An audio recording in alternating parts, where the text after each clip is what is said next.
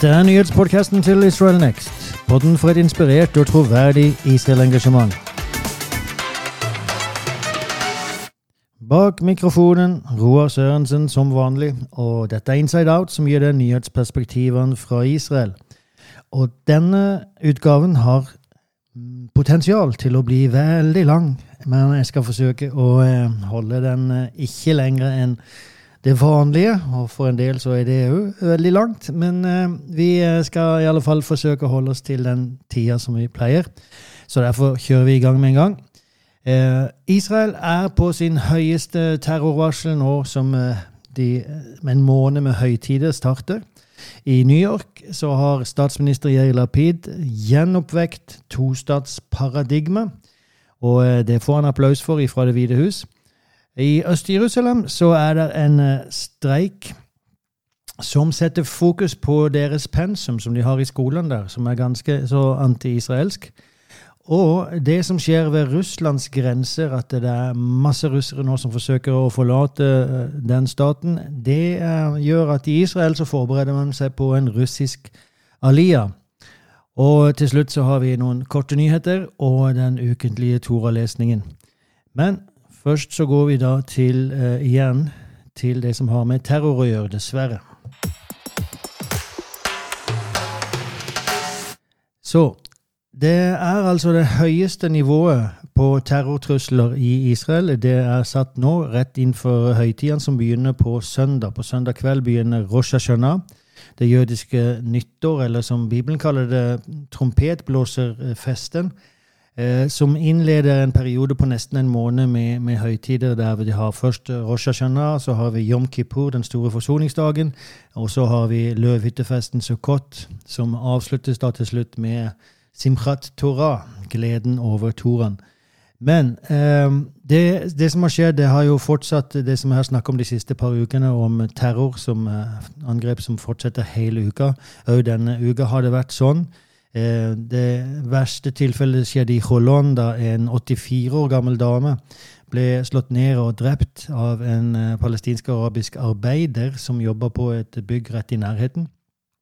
Og eh, han seinere viste seg gikk og hengte seg. Og det er ganske så uvanlig. Det, jeg kan ikke huske har skjedd noen gang. Men i alle fall, de fant den da i Tel Aviv, og da hadde han hengt seg. Uh, så uh, har det vært under hele uka som sagt uh, forskjellige typer angrep. I går så var det forsøk på å kjøre ned en soldat som sto ved Eh, et sted i Havara. Det er altså rett eh, sør for Nablus. Så fins det her området som man kjører igjennom. Veien går rett igjennom et eh, arabisk område. Og det har blitt senter de siste tida for masse terrorangrep. Og det, det, er veldig synd, for det er et område som tjener på at trafikken går gjennom der, òg den jødiske trafikken. Og nå har det blitt en av de verste og farligste områdene for jøder. Men det er jo det at det ligger veldig nærme Nablus, bibelske Sikhem. Eh, ved Modiin så var det òg et angrep her i går, og eh, det var en terrorist som stoppa i, eh, i, et kryss. Gikk ut og begynte å åpne bildører og knivstikke og pepperspraye eh, folk som satt i disse bilene. Åtte stykker ble skada, to litt mer alvorlig, men ingen, ingen seriøst. de klarte å forsvare seg. Og til slutt så er det en politioffiser der som skyter og, og dreper denne terroristen. Eh, I tillegg oppe på Harbracha, som ligger rett utenfor Nablus, altså på høyden på, på Garisim-fjellet der, så eh, har det vært skyting mot denne bosetninga de siste to nettene. Og eh, det her er en gruppe som, som kaller seg eh, Løvenes hule, som består av terrorister fra forskjellige grupper forskjellige terrorgrupper i Nablus som har tatt ansvar for dette. Så, og denne gruppa er kobla til Ibrahim Nabulsi, som ble drept av israelske sikkerhetsstyrker for eh, tre uker siden, kanskje. Eh, da han havna i en eh, skytekamp med de. Han var en ettersøkt terrorist. I tillegg så har det òg vært en del oppstyr, iallfall i Israel, om eh, de palestinske arabiske sikkerhetsstyrkene, altså til det palestinske selvstyret. Som eh, gikk inn i Nablus og arresterte et par eh, stykker der, eller flere, men eh, spesielt to, som, som de var på jakt etter. Og dette leder til en skytekamp mellom palestinsk selvstyre, sine sikkerhetsstyrker, og terroristene. Og det her ble slått ganske stort opp da i Israel, for det var første gang på veldig lenge at dette hadde skjedd. At disse styrkene til palestinske selvstyret handla i det hele tatt. Eh, de har jo bare sittet og sett på det siste, eller til og med oppmuntra og vært en del av en del av denne terroren. Men eh, i alle fall, da handla de, og uh, det, man kan spørre seg hvorfor. Hvorfor der og da? Og man kan òg liksom se på reaksjonen at den var jo veldig voldsom, for det var ikke forventa fra disse terroristene at, at det palestinske selvstyret skulle gripe inn. Men årsaken er jo at Mahmoud Abbas var akkurat da i New York og skulle holde, skal holde en tale der. Så han eh, ville ha noe å vise opp at eh, jo da, vi kjemper mot terror. Så det, det, er bare et spill for det internasjonale galleriet. Men i alt dette så, eh, som har med terror å gjøre, så er jo så klart tempelplassen, tempelhøyden, står i sentrum, og, og, det snakkes mye rundt den. Det har ikke skjedd eh, så mye der, eh, eller egentlig ikke noen ting der akkurat det siste. Men pga. høytidene så eh, kommer det til å være mer jøder som går opp på tempelplassen og besøker denne, denne plassen. Og det fins en jødisk organisasjon som, som, jobber for dette. Den heter Beyadeino. I våre hender betyr det. Og eh, den eh, har eh, kommet ut med en uttalelse her og sier at i år, altså det her jødiske året som nå avsluttes, så har 50 000 jøder besøkt tempelplassen. Snakker vi altså bare om jødiske besøkere. I tillegg finnes jo turister. Men målet for neste år er 100 000. Og dette her har jo bl.a. Hamas reagert på. Men òg i New York eh, så har jo Yair Lapid, og det skal komme til det Han har vært der borte og snakka da med flere ledere, bl.a. Eh, Abdullah, som er konge av Jordan. Og Jordan har jo en spesiell relasjon og kobling til tempelplassen eh, som en slags vokter av det og caretaker for den muslimske verden. Så, så av den tida da de ulovlig okkuperte Øst-Jerusalem, så i alle fall, Lapid snakka med han om dette, og de er veldig bekymra i Jordan over eh, eventuelle uroligheter som kan komme der. Og Abdullah ber Lapid om å begrense de jødiske besøkerne på tempelplassen. Det kommer ikke til å skje, men uh, uansett så er det et tema som blir snakka om. Uh, og der Jordan er veldig bekymra. Uh, men Hamas-lederen Mahmoud al-Zahar han har nå gått ut og, og ja, egentlig advarer for en uh, religiøs krig. Han sier at han fordømmer det han kalte da et åpenbart angrep på byens og moskeens religiøse og islamske status. Og sier da at Israel bærer det fulle ansvaret for at muligheten uh, for, en, uh, for, å trekke hele religionen inn i en åpen religionskrig nå finnes. Så Mahmoud al-Sahar er veldig klartekst her. og, og snakker altså om byens og moskeens religiøse og islamske status. Og eh, det er klart at det, det fins eh, en islamsk status. Det fins det der, men den fins jo der av at det her var en jødisk plass. Men eh, i går, eh, på torsdag, så gikk eh, Itamar Ben-Gvir opp på Tempelplassen. Og Itamar Ben-Gvir han tilhører et parti eh, på det israelske Knesset som er det mest eh, ekstreme høyrepartiet. Og eh, det er jo et parti som for øyeblikket gjør det veldig godt på meningsmålinger. De har slått seg sammen, Det er to partier som har slått seg sammen. Men han gikk opp der, da, og så sendte han ut et tweet der han tok bilde av seg sjøl, og så skrev han i denne morgenen, så rett før det jødiske nyåret tar slutt og et nytt år begynner, så gikk jeg opp på tempelplassen for å be og utøve suverenitet på den mest hellige plassen til det jødiske folket. Eh, Israels folk lever, Am Israel chai. Det er jo et uh, uttrykk som brukes veldig ofte.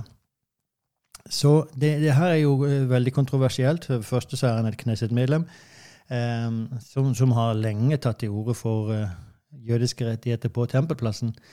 Men som da sier han går på tempelplassen for å be. Og um, det, det altså Utvendige tegn på bønn er forbudt eh, ifølge Høyesterett. Men eh, det er å utøve autoritet eh, eller suverenitet over denne plassen. Så han ser jo det her i konteksten av disse kravene som kommer fra den muslimske sida, og, og, sier bare at hei, det herne har vi faktisk lov og rett til. Og det, det må man jo si det, definitivt moralsk, historisk sett, så har juridisk sett, så har Israel all rett til dette. Og spørsmålet er bare på hvilken måte skal man være med på å forandre det her. Og dette er måten som han forsøker. For altså, til syvende og sist så, så, burde den plassen bare være åpen for alle hele tida. Det, det, er en plass som tilhører mer enn eh, liksom islam. Altså islam har historie der, de har krav og rettigheter der. Eh, kan man definitivt si etter 1400 eller skal vi se, 600, ja, 1400 år så har de finnes der cirka.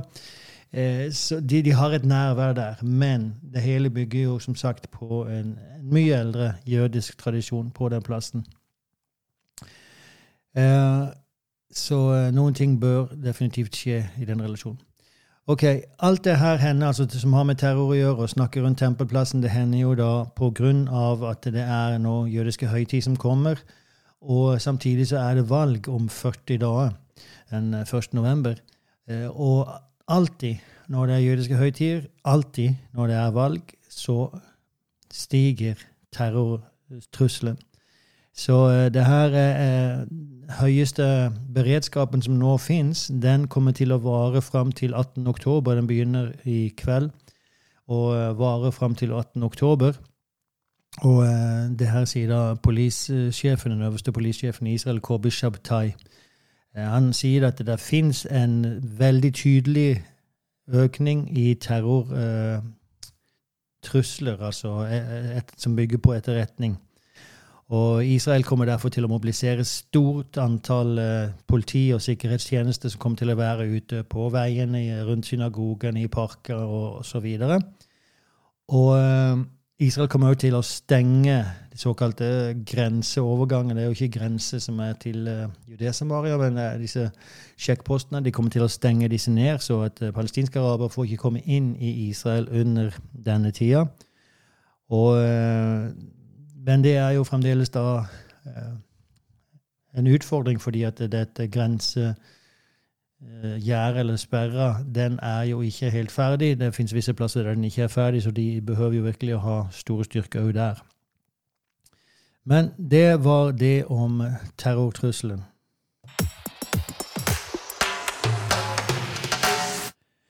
Da skal vi til eh, statsminister Yair Lapid sin eh, tale i New York i går.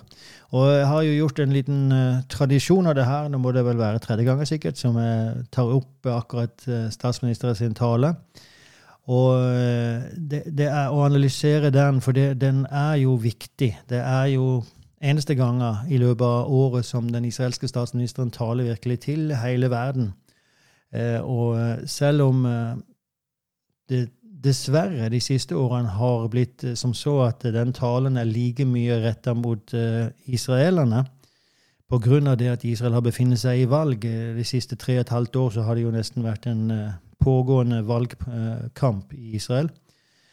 Så, så, derfor så har den talen de siste årene blitt veldig prega av det som pågår i Israel, og et ledd i valgkampen. Men på tross av det så sies det veldig tydelig klare ting til uh, det internasjonale budskapet, eh, til det internasjonale samfunnet.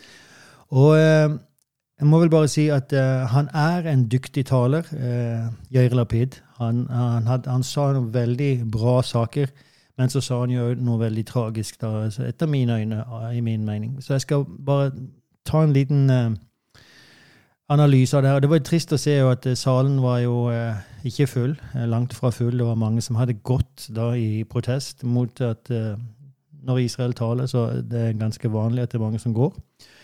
Men det var jo fremdeles kanskje flertallet som satt igjen, da. Den første delen av hans tale den var, var veldig bra.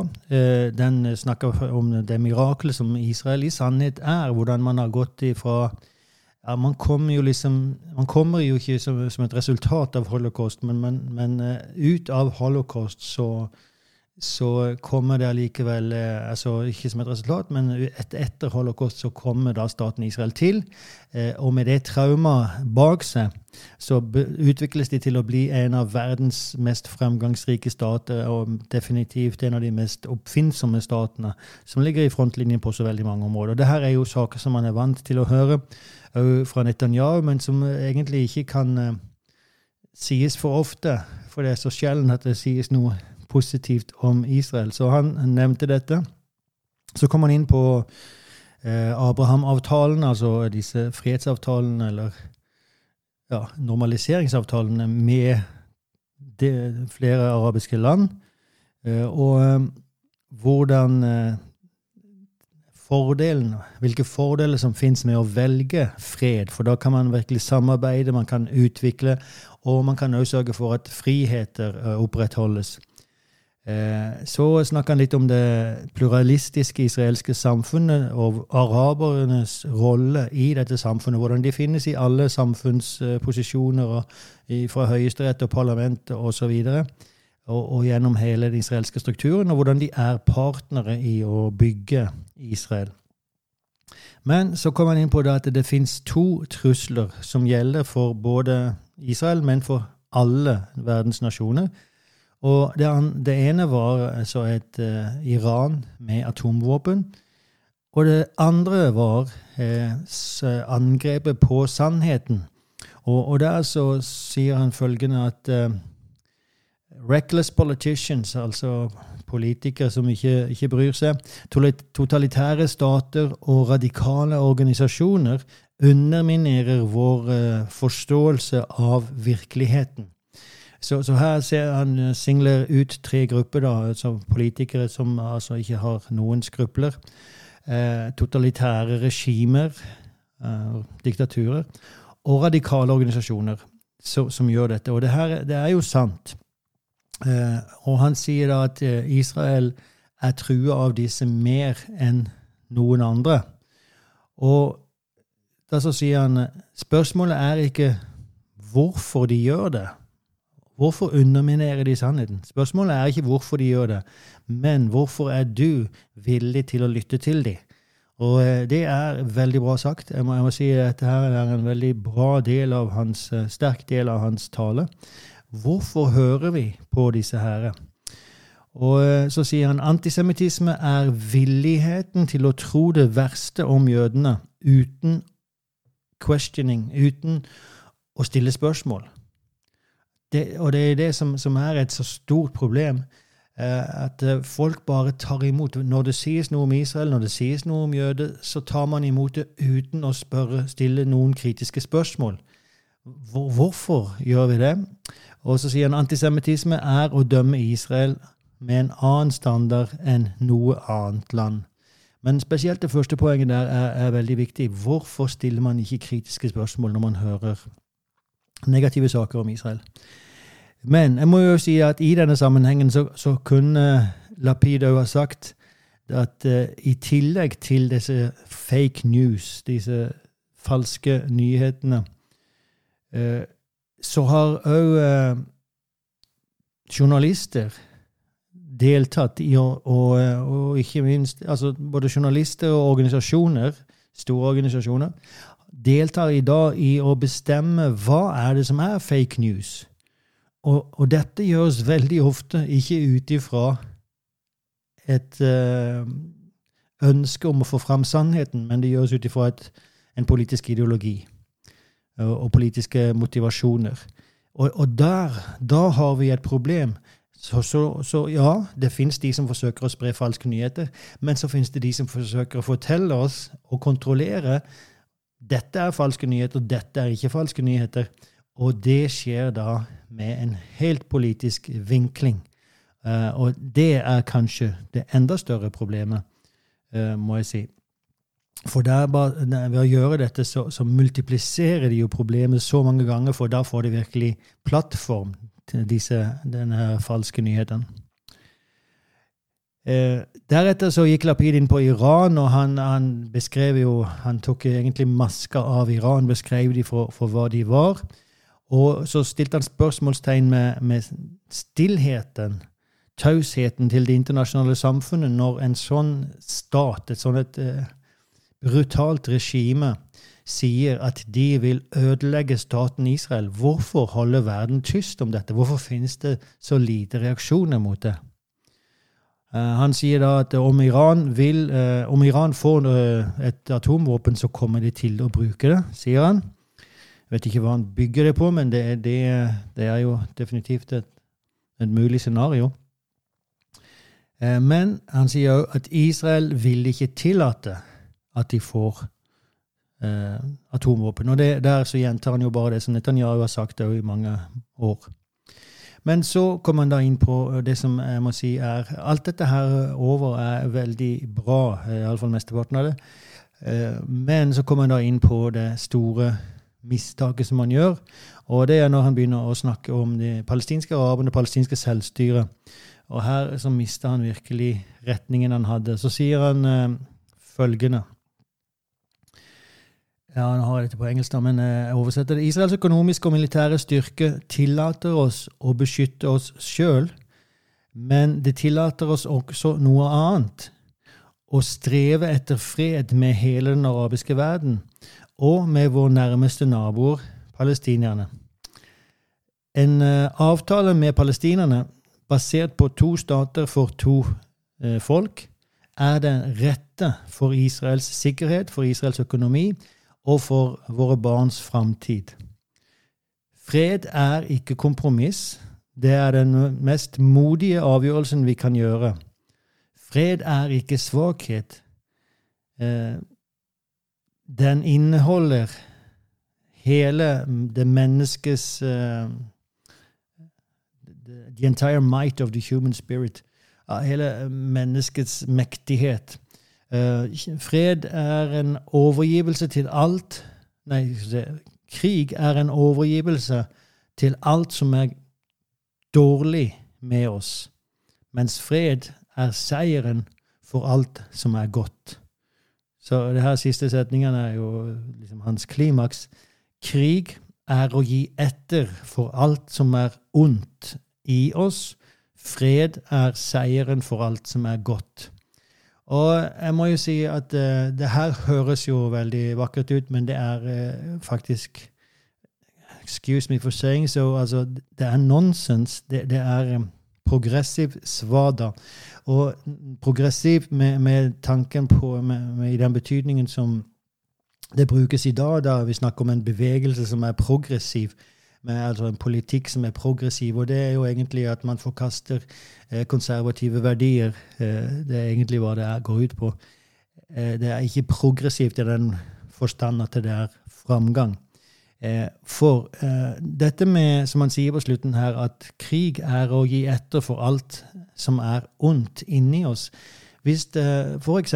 Storbritannia skulle ha tenkt sånn i 1939, da Hitler gikk inn i Polen, hvis det, resten av de allierte skulle ha tenkt sånn at krig er å gi etter for alt som er vondt, så hadde de bare lagt ned våpenet og, og latt Hitler fått holde på. Det er faktisk ikke så. Det, det, det fins tilfeller der du er nødt til å forsvare det som er godt, det som i sannhet er godt, fordi at det onde er det som da går til krig.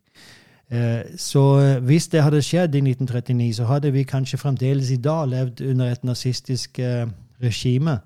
Vi hadde kanskje levd i et regime der jøder ikke lenger fantes, og mange andre såkalt svake og mindreverdige ikke fantes. Og der alle som ikke aksepterte det nazistiske programmet, heller ikke fantes. Eller i alle fall var fengsla. Så eh, det, det, det, er faktisk sånn at dessverre, i visse tilfeller så er man nødt til å forsvare med makt det som er godt, og det som er rett. Eh, det, dette som han snakker om med, med sannheter. Iblant så må sannheten forsvares med, med våpen. Og det sier han jo sjøl i forhold til Iran, at der er han jo villig til å gå til krig. Han, han snakker om at det må finnes en militær option, en militær, et militært alternativ. Så, eh, så det, det, han sier her, at eh, krig er eh, et utløp for alt som er ondt i oss, det, det gjelder visstnok ikke i alle tilfeller. Han innser jo at det finnes tilfeller der dette er nødvendig. Så når det gjelder da dette med palestinske araberne, så sier han vi har bare én betingelse, og det er at denne her fremtidige palestinske staten må være en fredfull stat. Og det Igjen, det høres sikkert uh, vakkert ut i en del uh, ører, men uh, det er jo egentlig igjen masse det store ord, men, men, det inneholder egentlig ingenting. Det sier ingenting for. Skal, tenker han i så fall å, å ta de på ordet? Hvis de sier at jo, men det, vi skal opprette en, en fredfull stat, vil han ta de på ordet? Eller vil han kreve visse garantier for dette, sånn som Netanyahu gjorde da Eh, når han krevde, eller han tok til orde for en palestinsk stat, så sa han denne staten må være demilitarisert. Eh, vi skal ha østre Jerusalem, eller hele Jerusalem skal være forent under israelsk styre. Vi kommer til å bevare visse bosetninger. Uh, Jordandalen kommer til å være i våre hender, osv. Det var masse betingelser som lå rundt hans uh, akseptanse av en palestinsk stat. Og her så sier han den eneste betingelsen vi har, det er at den er fredfull. Ja, hvis han vil ta de på ordet, så, så er han mer naiv enn en det man kunne tro. Uh, så det fins masse spørsmål man kan stille rundt det, men jeg tenker han vil vel bare forsøke å komme ut bra i, i FN. så er han en realist, eller er han en drømmer?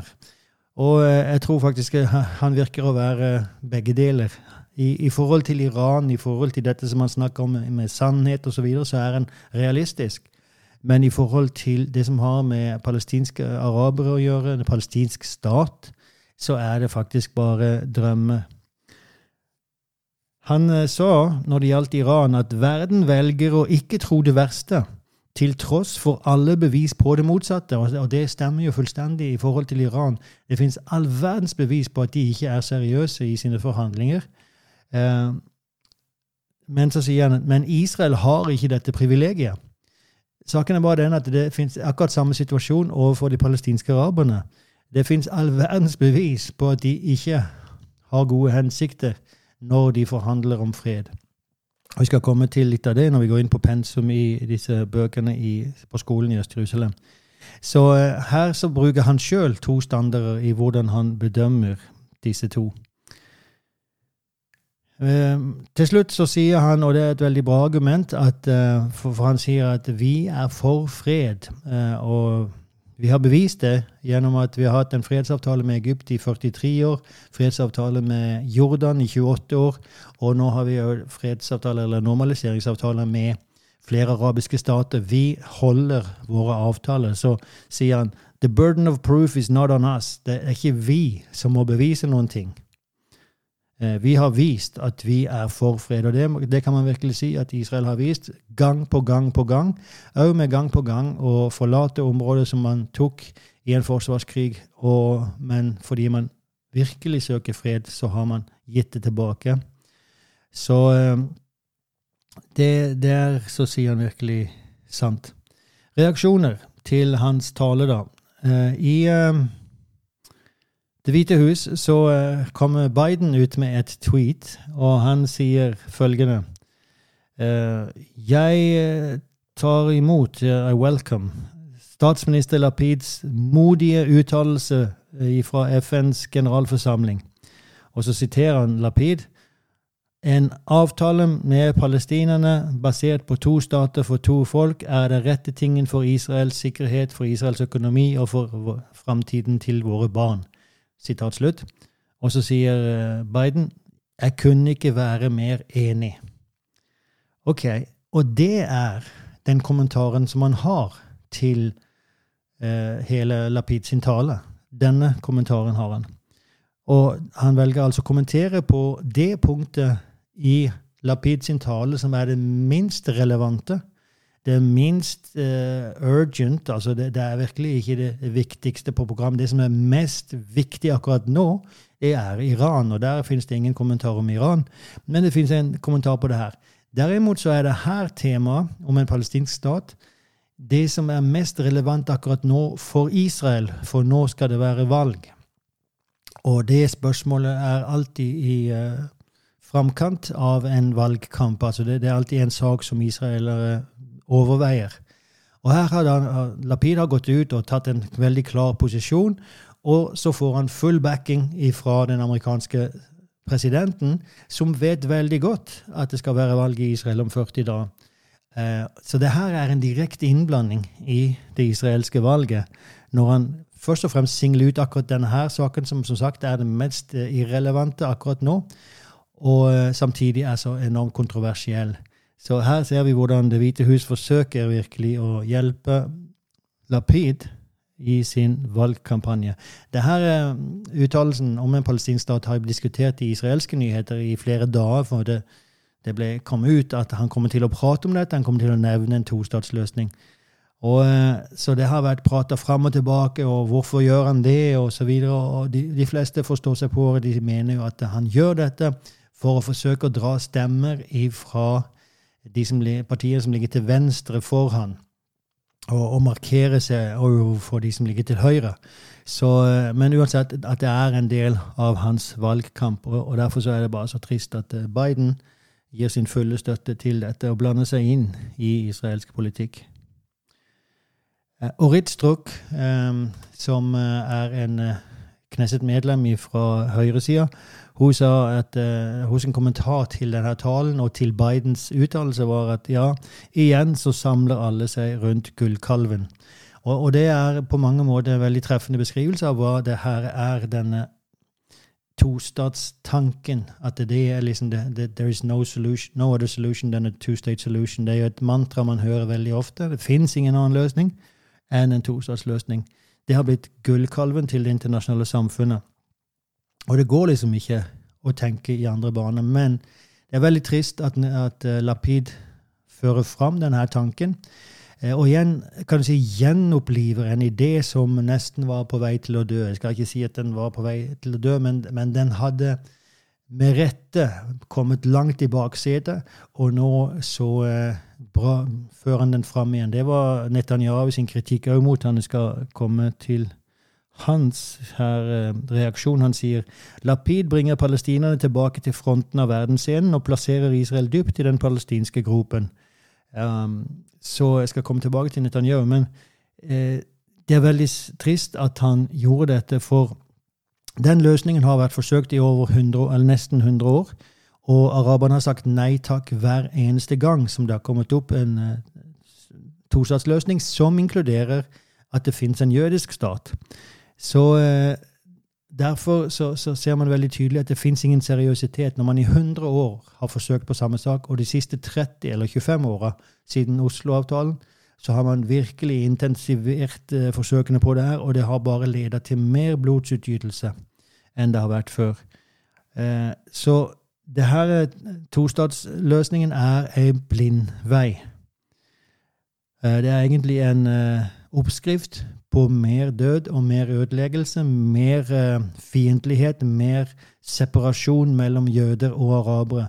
Eksakt hva som har hendt siden opprettelsen av det palestinske selvstyret. Fordi at alt det her pratet om en tostatsløsning det gir bare mer makt og styrke til det palestinske selvstyret, som driver denne linja av fiendtlighet og hat mot Israel. Ikke bare i sitt pensum, på sine skoler, gjennom sitt media, i, i sine moskeer, eh, men òg faktisk i praksis, i handling, så driver de denne linja. Eh, så Lapid, det her er faktisk hva 25 år av Oslo har bevist, og det er merkelig at plutselig så gjelder ikke bevisene lenger. Jeg skulle bare gi, kaste tilbake de ordene til han. The burden of proof is on you, Lapid. Det er du som faktisk har bevisbyrden på det nå for at det her virkelig kan fungere. Men det er umulig, for det har som sagt vært testa i nesten 100 år. Så tilbake til Netanyahu, da, som kritiserer Lapid for å bringe det her tilbake på, i fronten. Hans tale i 2016, da, hva, hva sa han sjøl? Han, han, har egentlig ikke så mye å slå i bordet med, skal man kunne si. Han, han, for det første så var han den første israelske statsministeren som offentlig, offentlig godkjente og aksepterte da en tostatsløsning. 2009, Barilan-talen. Men i 2016 så sier han følgende i FN på, på samme talerstol. Jeg vil vite, jeg vil at du skal vite, altså du som sitter her i salen, jeg har ikke gitt opp freden. Jeg er fortsatt forpliktet til en visjon om fred basert på to stater for to folk. Så litt seinere sier han Israel ønsker velkommen ånden i det arabiske fredsinitiativet og ønsker velkommen en dialog med arabiske stater for å fremme en bredere fred. Jeg tror at for at den bredere freden skal kunne oppnås fullt ut, må palestinerne være en del av den. Jeg er klar til å begynne forhandlinger for å oppnå dette i dag.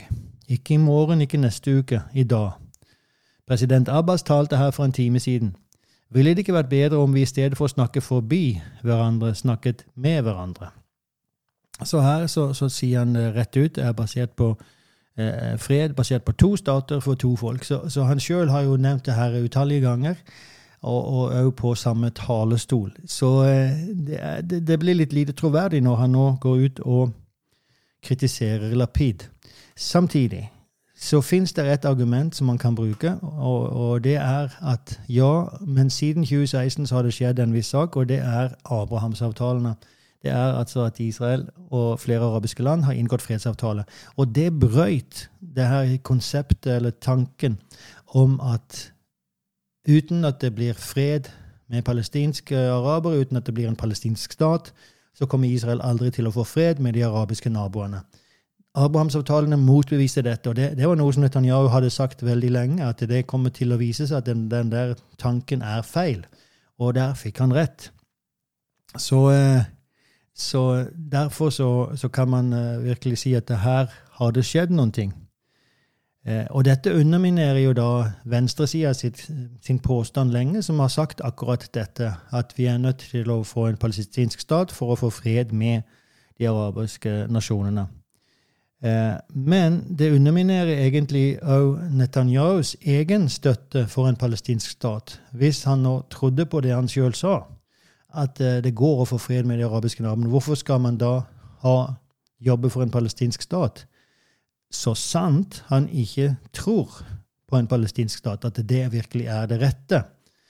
Eh, for, for hvis han virkelig trodde på det han sjøl sa, så hadde det ikke vært noe behov for en palestinsk stat, så sant han ikke mener at det er rett. Og, da, her begynner jeg å Eller det har jeg gjort lenge, tenkt at han faktisk er for opprettelsen av en palestinsk stat. Likud som parti er ikke det. Det står i deres statutter. Men det virker som Netanyahu eh, faktisk ikke har eh, så veldig mye imot opprettelsen av en palestinsk stat. Han har visse betingelser, men eh, kunne godt tenke seg å overgi store deler av Judea Samaria til en sånn stat. Og det er eh, bekymringsfullt, som jeg ser det. Um, da så et, et, et, påstand til som veldig ofte kommer i denne sammenhengen med en palestinsk stat. Ja, men vi er nødt til å gi dem en politisk visjon, en horisont. De må, de må ha noe å se fram til. Eh, og det kan så være. De behøver virkelig ha noe å se fram til. For det, den, den tilstanden som de lever i akkurat nå, de palestinske araberne, det er ikke bra. Men den behøver ikke, denne horisonten behøver ikke inkludere en stat, en palestinsk stat. Eh, det er det som er den store illusjonen, og eh, jeg mener det er den store feiltagelsen. Det bør inkludere et autonomi, kanskje, men definitivt ikke en stat. Og eh, det som For å begynne å jobbe mot eh, en bedre framtid, så må man for det første bli kvitt de palestinske arabiske lederne. Eh, for de har vist seg at de bare oppmuntrer til mer splid, mer krig, mer vold. Så de må vekk. Og så må man få inn, som flere andre forskere har sagt, man må få inn klanlederne i de forskjellige byene. Det er de som må ta lederskapet, for de har faktisk en egen, egeninteresse i at det skal gå bra for sine klaner, sine familier og sine byer. Eh, det palestinske selvstyret har ikke dette. De har bare en plan på å skaffe mest mulig penger på korrupte måter sjøl. Eh, og leve livets glade dager og bryr seg ikke så mye om sitt eget folk. Det har 25 år vist oss. Så eh, det som må til, er altså å få inn det lokale lederskap, få vekk det her, få bort den her fiendtlige pensumet og oppmuntring til terror. Og begynne å jobbe på å forbedre de daglige forholdene for de palestinske araberne. Så kan dette kanskje lede til noen. Det er en jobb på lang sikt. Ingen uh, quick fix, men det, vi må bort ifra denne tanken om to stater.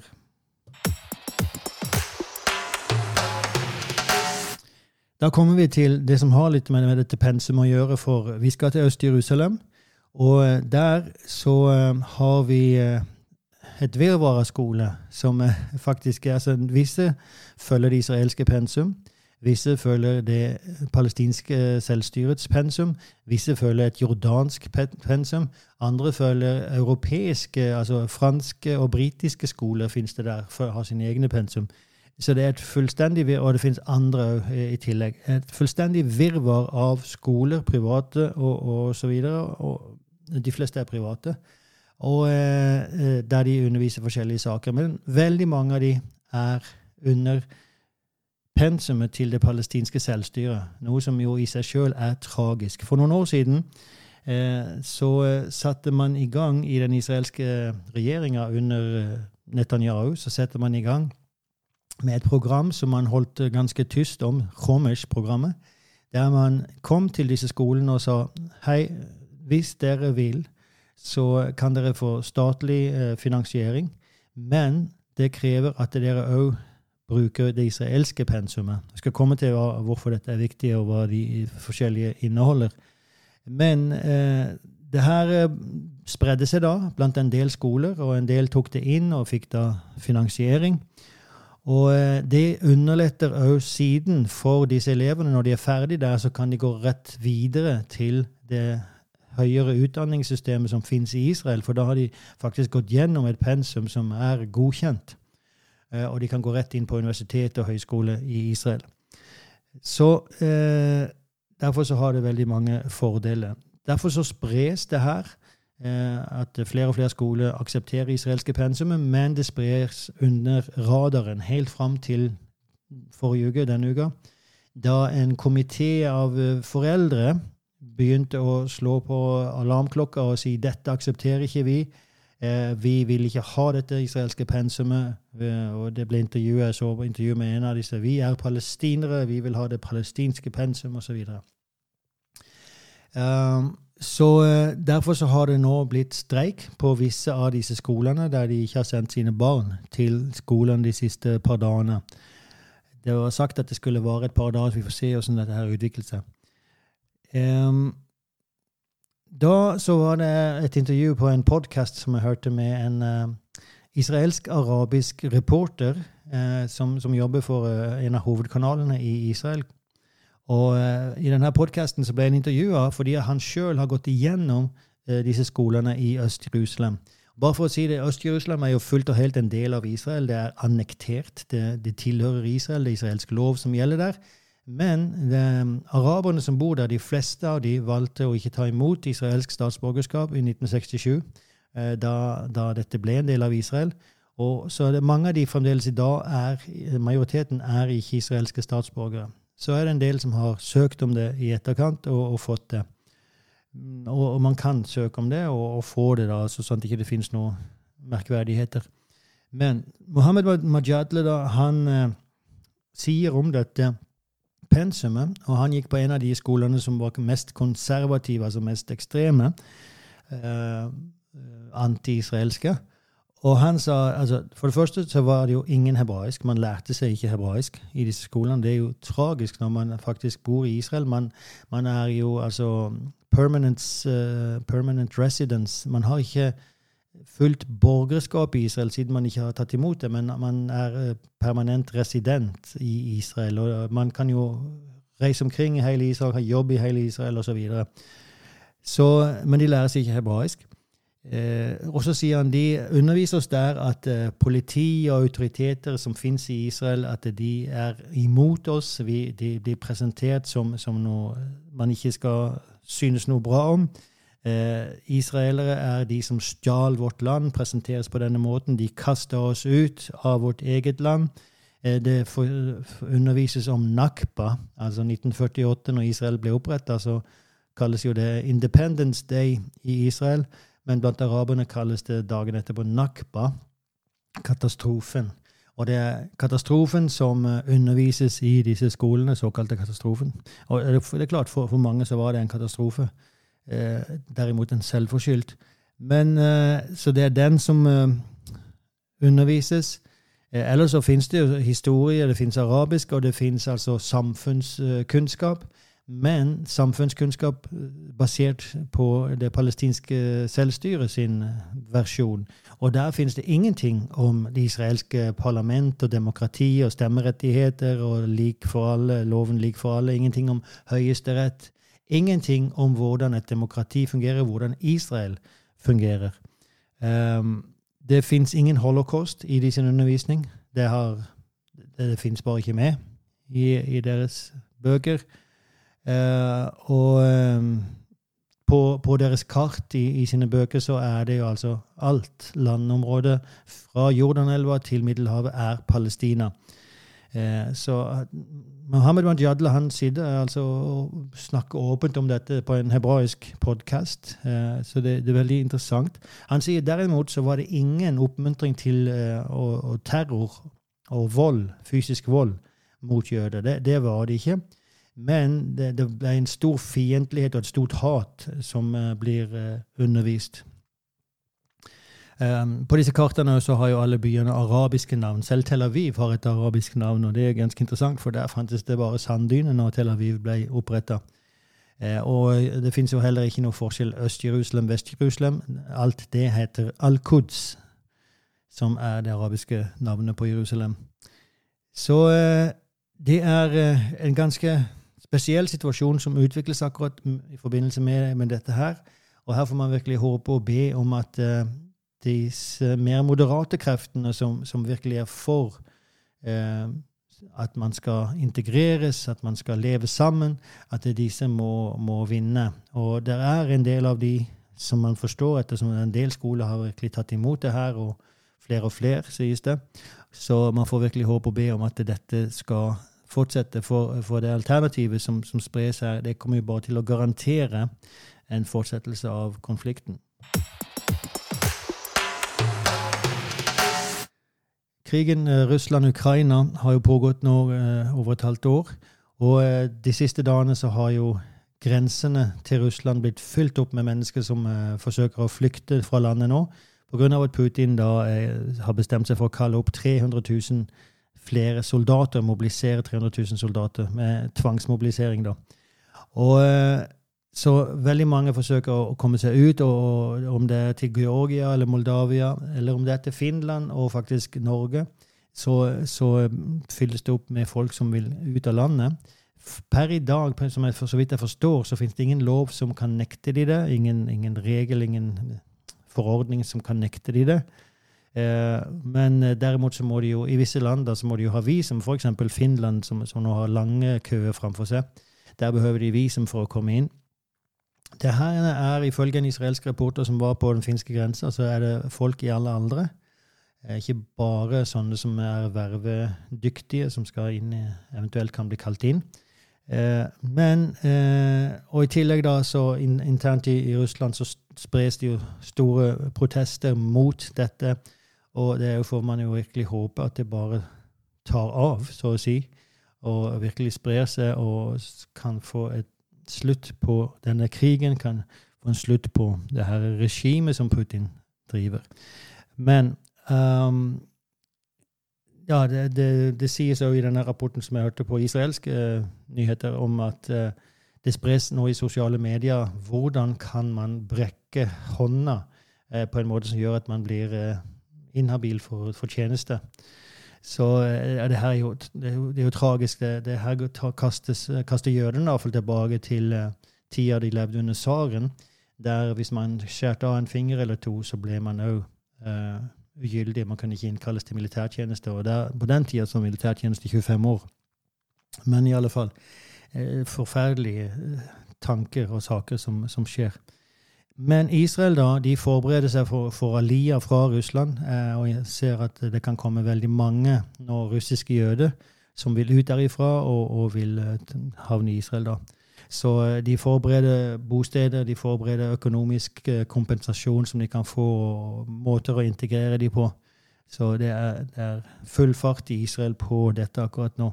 Så det er jo en tragisk situasjon, det som hender i, i Russland og i Ukraina, ikke minst.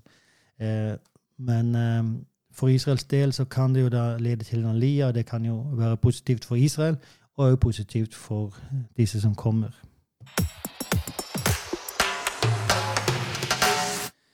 Eh, da skal jeg bare kort nevne i korthet her at denne komitélederen som jeg snakka om for en uke eller to siden, Meni Massouz, som ble oppretta av regjeringa uh, statsadvokatens støtte, den ble jo nå uh, forkasta av Høyesterett fullstendig. Altså den avgjørelsen som ble anka, den har nå blitt endelig avgjort. og dette var ikke bra. Eh, Høyesterett ga rødt kort til statsadvokaten. Hvordan kunne den godkjenne en sånn utnevning av en komitéleder i åtte år, som skal altså utnevne i sin tur viktige poster, sånn som eh, Hærens stabssjef, altså øverste militære lederen i Israel f.eks., skal utnevnes via denne komiteen. Og det, det legger jo styringer på hvordan Hæren kommer til å operere åtte år framover. Eh, og det betyr at det, det, blir en udemokratisk prosess som gjør at neste regjering ikke har noe de skulle sagt, eh, eller mindre de skulle sagt i forhold til krigføring osv. Så, så Så Høyesterett innså her at dette er ikke sunt. Problemet her, dilemmaet her er at her har Høyesterett igjen annullert en regjeringsavgjørelse. Og det er et problem i seg, ettersom Høyesterett ikke er eh, demokratisk valgt, men det er regjeringa, og man vil jo ha et demokratisk styre. Så dette har jeg snakka om tidligere, hvordan Høyesterett har grepet inn og annullert eh, regjeringsavgjørelse som et problem. Det er et problem, men jeg må jo si at i dette tilfellet så er det ganske åpenbart at eh, her så beskytter de faktisk demokratiske prosesser. Så det var den ene korte saken. Eh, den andre er bare en oppdatering fra valget egentlig bare kort om tre forskjellige meningsmålinger det siste i går. Og disse meningsmålingene er forskjellige, men de viser at eh, høyreblokka styrkes litt etter at det arabiske partiet brøt opp i to forskjellige.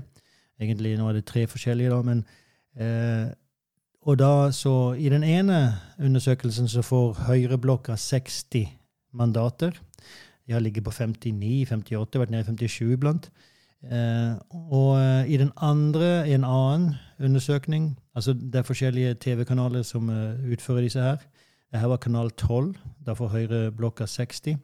I uh, kanal 14, som er en veldig høyreorientert kanal, er en eneste høyreorientert, de andre er ganske så venstre. Der får høyreving, høyreblokka 62 mandater. Og i kanal 13 eh, som er en venstre. Der eh, får eh, høyreblokka 61. Så uansett så, så, går det i rett retning for høyresida hvis dette fortsetter. Og det er jo et resultat av at, uh, at uh, det her arabiske partiet splitta opp, og, og, det har ledet til disse sakene. Til, på no, I ingen av disse undersøkelsene så går eh, Ayel Chaked sitt parti, Habaita Yehudi, det klarer ikke sperregrensa.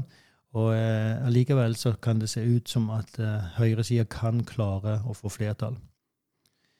Um, en siste sak eh, i korthet her, det er eh, Alle har kanskje hørt om uh, den røde kvia. En kalv eller kvie som uh, behøves for at tempelet skal kunne egentlig begynne å fungere igjen, altså tempeltjenesten. Og det har å gjøre med at prester, egentlig alle israelere, alle jøder i dag, de anses for å være ureine, rituelt ureine pga. kontakten med døde. Og eh, for at eh, tempeltjenesten skal kunne begynne igjen, så må man renses. Og til det så behøves det aske fra en rød kvie. Så eh, Tempelinstituttet i Jerusalem har lenge vært på jakt etter denne, og nå finnes det en, eller nå, det finnes en organisasjon som heter Bonnet Israel, som er en jødisk kristen organisasjon og via en kristen bonde i USA så har de nå fått fram fem sånne røde kviger og som kom til Israel her forrige uke. Og De skal nå overvåkes i løpet av tre år, og hvis de fremdeles er røde, dvs. Si uten et eneste hår som ikke er rødt, så, og ikke noe annet som er feil med de, så kan de da ofres, og asken kan brukes for å rense da eh, bort denne her urenheten som vi snakker om. Så eh, det er en interessant sak eh, at det her skjer. og Det går tilbake til bibelprofesiet og ens tolkning av skal det bygges et tredje tempel, eller skal det ikke bygges et tredje tempel. Uansett, dette er noe som hendte forrige uke.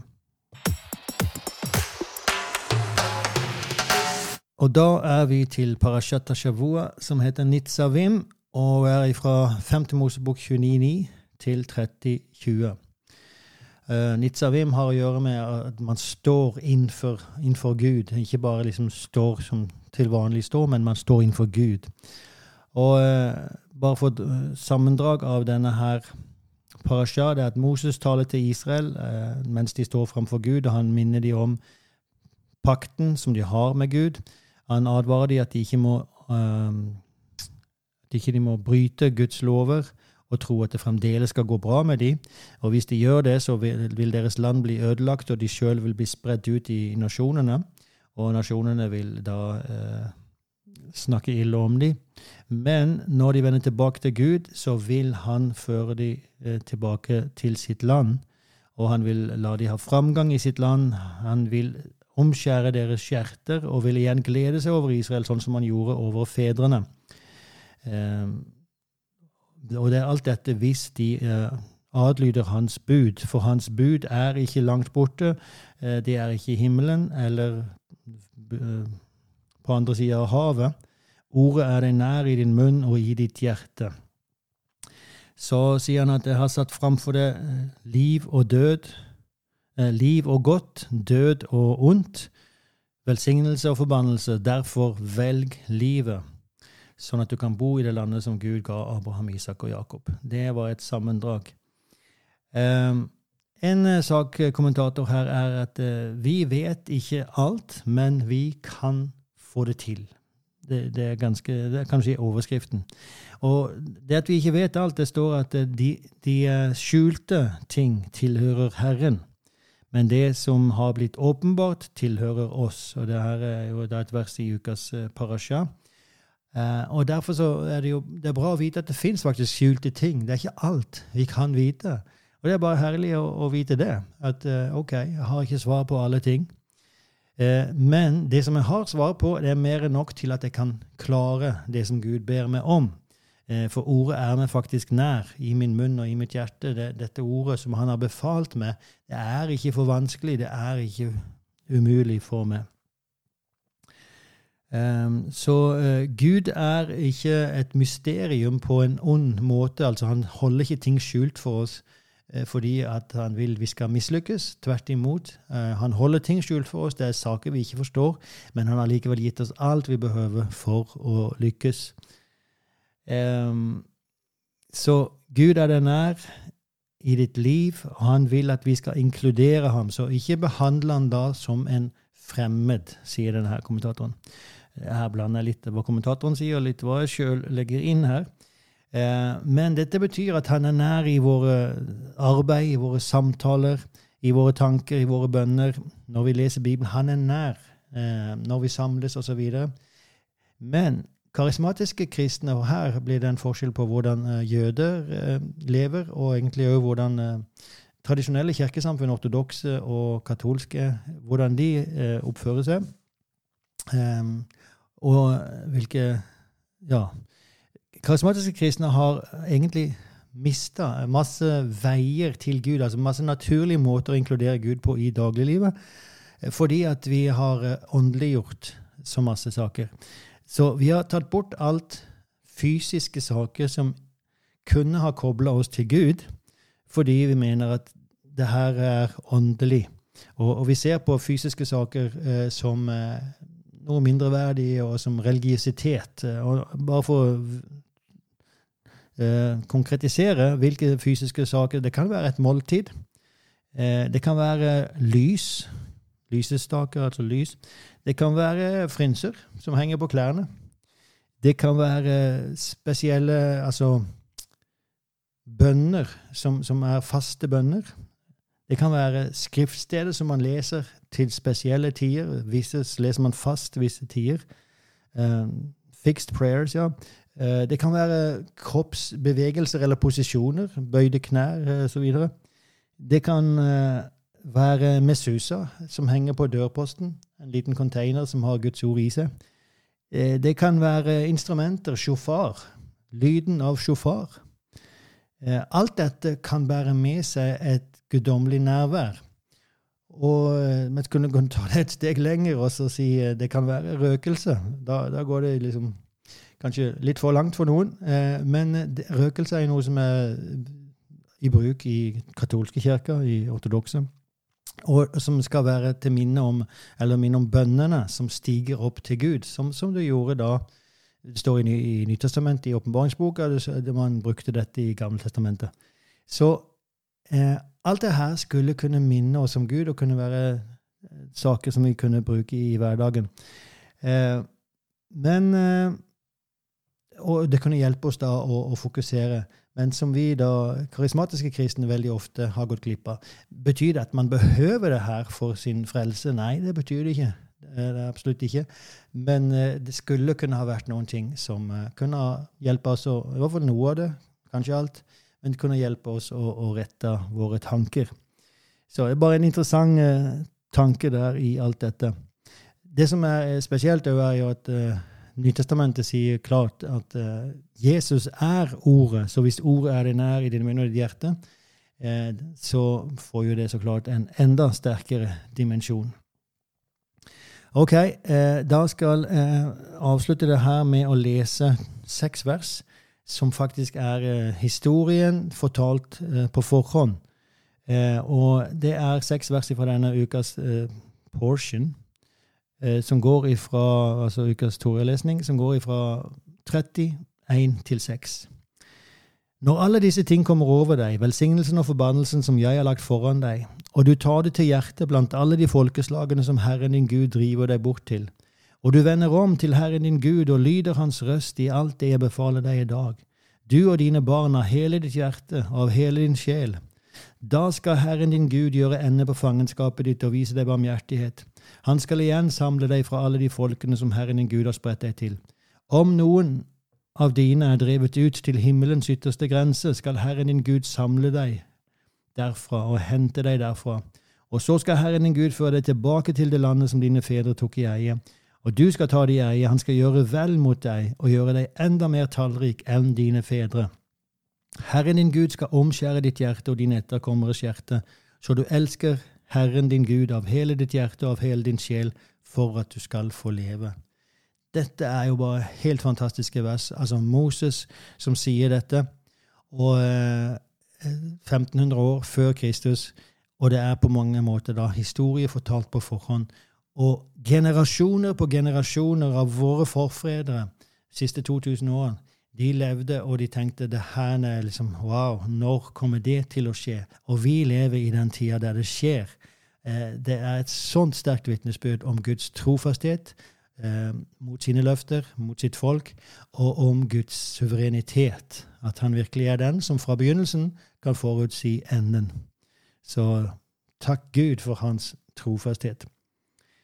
Det var alt. Eh, og vi ble litt eh, lengre enn eh, pleier, men det var sånn det ble. uansett, vi avslutter denne podkasten med den prestelige velsignelsen som vi, som vi alltid gjør. Yevarechecha Adonai v'yishmerecha.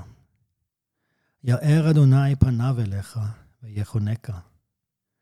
Yesa Adonai panav elecha v'yasem lecha shalom. Takk for at du lytter. Eh, takk for at du støtter arbeidet som gjør det. Og hvis ikke du gjør det, så får du kjempegjerne gjøre det. det er, eh, du finner oss på, på VIPS, Israel Next. Eh, men eh, ellers så bare takker vi deg for at du har lytta til denne, og gjerne spre dette. Til neste gang, si noe godt om Israel.